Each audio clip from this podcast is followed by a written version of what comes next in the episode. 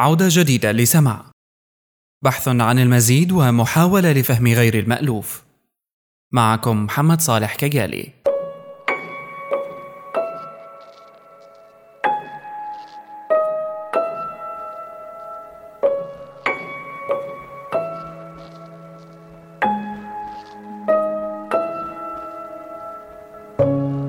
بحلقتنا السابقة من سمع تحدثنا عن الزمن وتفاسيره المختلفة وتأثيره علينا. الحلقة هي حنتابع لكن بالسفر عبر الزمن. متى بدأ التفكير الفعلي فيه وشو معناه العلمي؟ وأكيد هل هو ممكن حقا؟ شو هي الإمكانيات وشو هي الأمور اللي عم تمنع عملية السفر عبر الزمن هي شكر كبير للصديق ياسر أبو الحسب اللي ساهم في عملية الإعداد لهالحلقة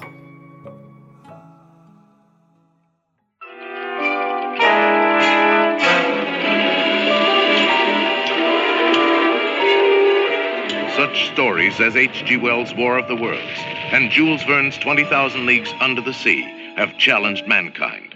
So today, man is successfully probing deep into the mysteries of the universe. Can he penetrate the greatest mystery of all, time itself? في عام 1895 قدم الروائي الإنجليزي جورج ويلز رائعة آلة الزمن واللي بيعتبرها كثيرين أفضل رواية خيال علمي كتبت في التاريخ. بالإضافة إلى أنه هالرواية من أول الروايات اللي بتحكي عن السفر عبر الزمن بشكل صريح جدا إلا أنه عبقريتها العلمية في طرح مفهوم عميق جدا في هذا المجال. Why is it that we usually ignore the fourth dimension? You, you see, we can move in the other three. As the doctor said, up, down, forwards, backwards, sideways. But when it comes to time, we are prisoners. تبدأ حكايتنا بعالم يصمم آلة فيها تخترق الزمن معتمد على نظرية البعد الرابع الآلة تتيح الحركة في الزمن كالحركة في المكان تماما للأمام وإلى الخلف وهون منشوف تساؤل بطل الرواية عن أنه كل الأشياء الحقيقية لابد أن يكون لها امتداد أي أنه يكون لها أربع أبعاد. ثلاث أبعاد في الاتجاهات واللي هي الطول والعرض والعمق أو الارتفاع والبعد الرابع الزمن. ليش نحن بنقدر نتحرك في الأبعاد الثلاثة هي إلى الخلف وإلى الأمام وإلى الجانب؟ لكن في الزمن ما بنقدر إلا نتحرك في اتجاه واحد. ليش نحن دائما بنتجاهل هذا البعد؟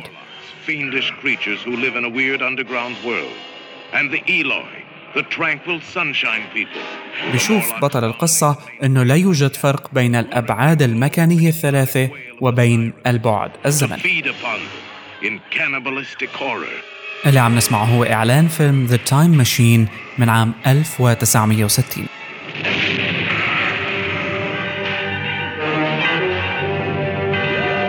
الآن وبالابتعاد شوي عن أجواء الإثارة بالفيلم صار لازم نسأل سؤال عن البعد الرابع هل يمكن التنقل في هذا البعد بحرية فعلا؟ خلينا نشوف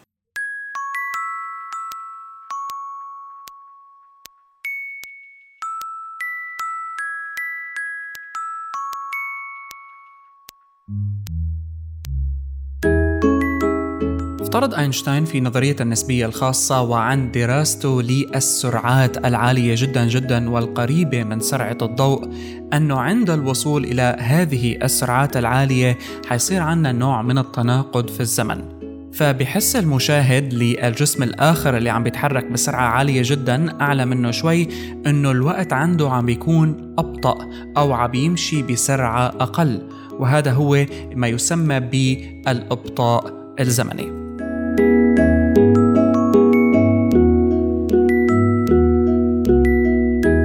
لأن هل هذا الشيء بيعني فعلا أنه لما بنصل لسرعات عالية جدا جدا يمكن أن نخترق حاجز الزمن هاد؟ بعبارة أخرى الشيء اللي عم بيسافر بهالسرعة العالية جدا جدا هاي هو حقيقة عم بيتحرك في مستقبل المشاهد له خلينا نفهم عن الموضوع أكثر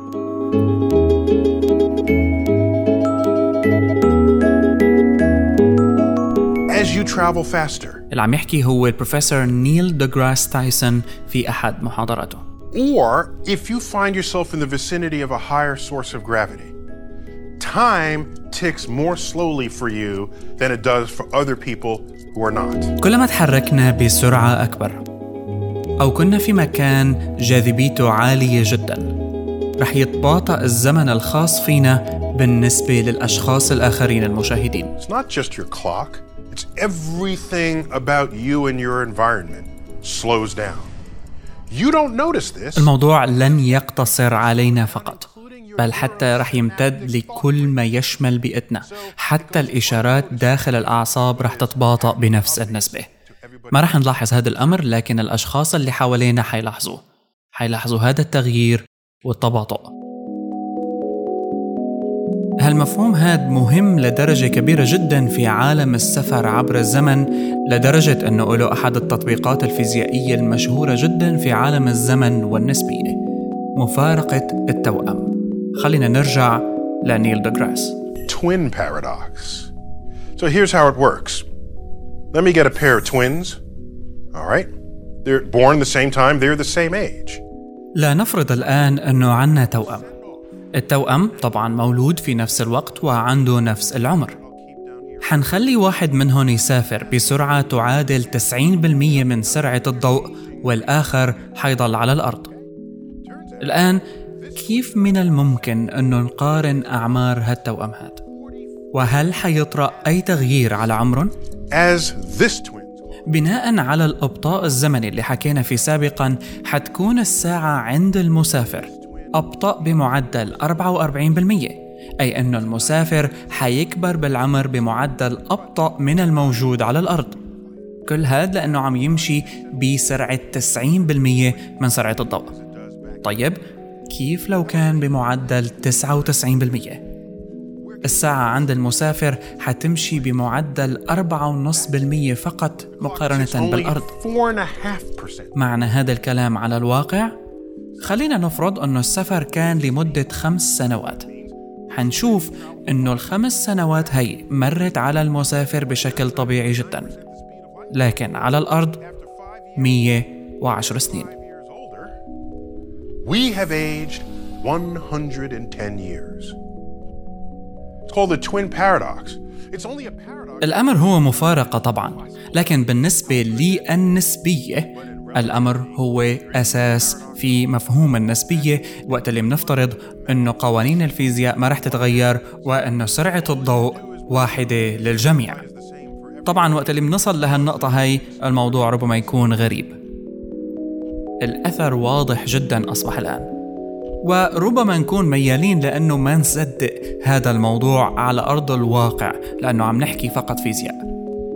خلينا ننتبه أنه اللي عم ينحكى فيه يفترض أنه الحركة عم بتكون بسرعة الضوء وهذا أمر صعب جدا جدا حاليا ومن المستحيل أنه نقدر نشاهده بالعين المجردة.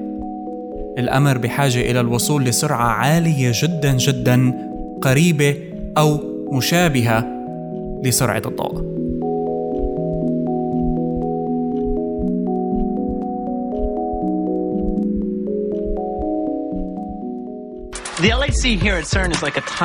اللي عم نسمعه هلأ هو ستيف نان أستاذ التكنولوجيا في معهد MIT وعم يحكي عن المصادم الهيدروني الكبير في سيرن واللي فيه بتم عملية تسريع الجسيمات لسرعات عالية جدا قريبة من سرعة الضوء مصادم الهيدروني الكبير في سيرن هو أشبه فعليا بآلة زمنية بفضل ميزة فيزيائية غريبة. هالميزة هي ما بتظهر إلا عند السرعات العالية جدا والقريبة من سرعة الضوء.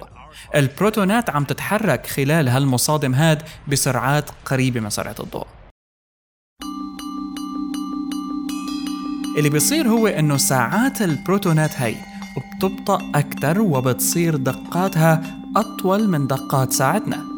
لذلك من ناحية معينة البروتونات اللي عم تتحرك خلال هالحلقة هي الموجودة في المصادم عم بتكون أبطأ الساعة عليها من ساعاتنا العادية. وبالتالي ربما هي مسافرة بالزمن بالنسبة لنا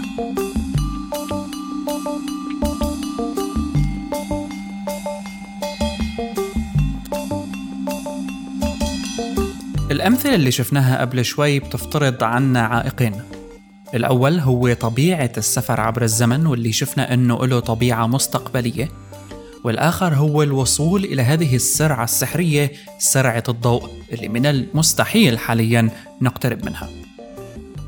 شو في عنا حلول تانية؟ استنتج أينشتاين وعالم آخر اسمه نيثان روزن. أنه الزمان والمكان بيتحدوا بشيء اسمه space time وهو نسيج كوني واحد رباعي الأبعاد. بالعربية منسميه الزمكان. الآن افتراضيا هذا النموذج فينا نشبهه للورقة الملساء اللي يمكن طيها. بين طرفيها المطويين في شيء ممكن نسميه الثقب الدودي worm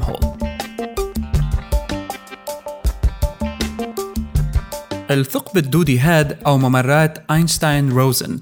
تفترض أنه على هالورم هول هاد فتحتين على الأقل. بيتصلوا ببعضهم عبر ممر واحد. وإذا كان هذا الثقب الدودي طريق ممكن نسافر عبره فإنه للمادة إمكانية الانتقال من فتحة إلى أخرى بعبور هذا الممر. وبالتالي نحن عم ننتقل في نسيج زمكاني. أي أنه عم ننتقل من مكان وزمان إلى مكان وزمان آخر. هذا لا يعني فقط أنه في إمكانية للسفر عبر الزمن هون. هذا يعني أيضا أن هناك إمكانية للسفر بين عالمين مختلفين وليس مكانين وزمانين في عالم واحد.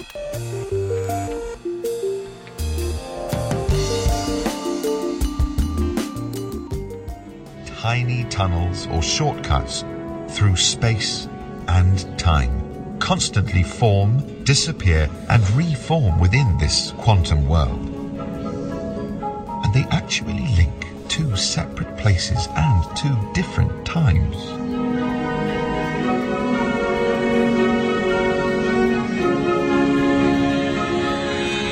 وفقا للوثائق اللي عم نسمعه هلا بيقول عالم الفيزياء النظرية ستيفن هوكينج انه هالثقوب الدودية هي هي ممرات صغيرة عبر الزمان والوقت عم تربط بين مكانين ووقتين مختلفين.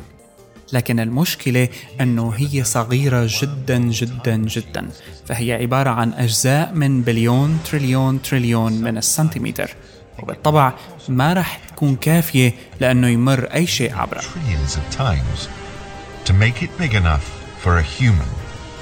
كمان بتحدث ستيفن عن المحاولات اللي عم بيجريها العلماء لإنشاء ثقوب دودية في الفضاء ذات أبعاد أكبر عبر استخدام طاقة عالية جدا وتكنولوجيات متقدمة.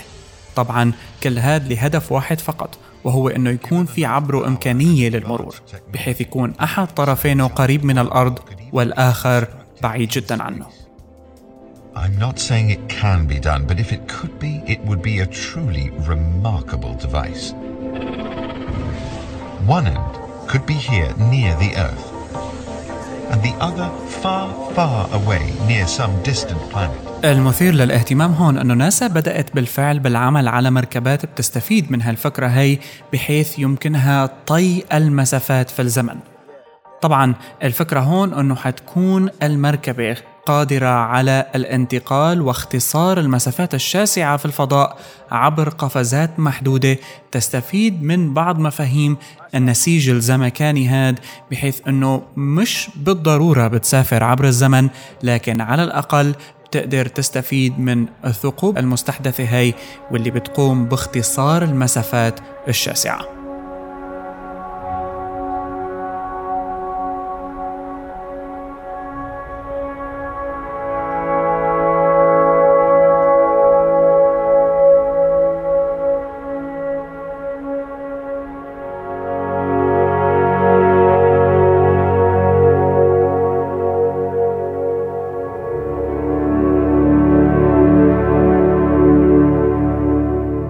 البشر والفيزيائيين بشكل عام في السفر عبر الزمن حصرا أنه لا يزال الكثير من المفاهيم المتعلقة فيه إما مشكلة فلسفية وجودية متعلقة بالزمن والعمر والتقدم بالزمن والعودة بالزمن والتبعات اللي بتنتج عنه ومشاكل فيزيائية بحتة مثل مواضيع الثقوب الدودية هاي نوعيتها استقرارها وأيضا سرعة الضوء واللغز الكبير في التعامل مع سرعة الضوء هي والوصول إلى قريب منها بالدرجة الأولى.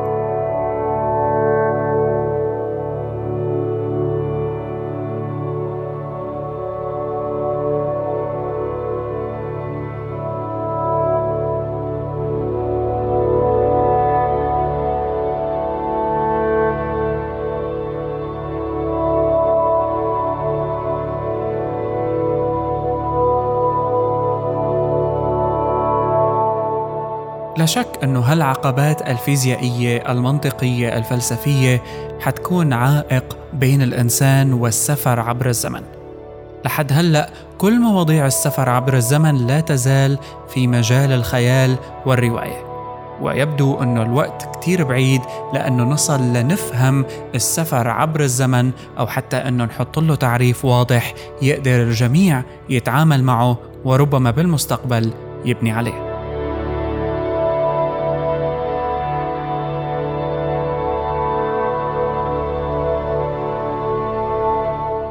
شكرا لاستماعكم للحلقة الرابعة من سماع اللي بتحكي عن السفر عبر الزمن. بإمكانكم إرسال الاقتراحات إلى hello at hyperstage.net ودائما تابعونا على hyperstage.net و soundcloud.com slash hyperstage.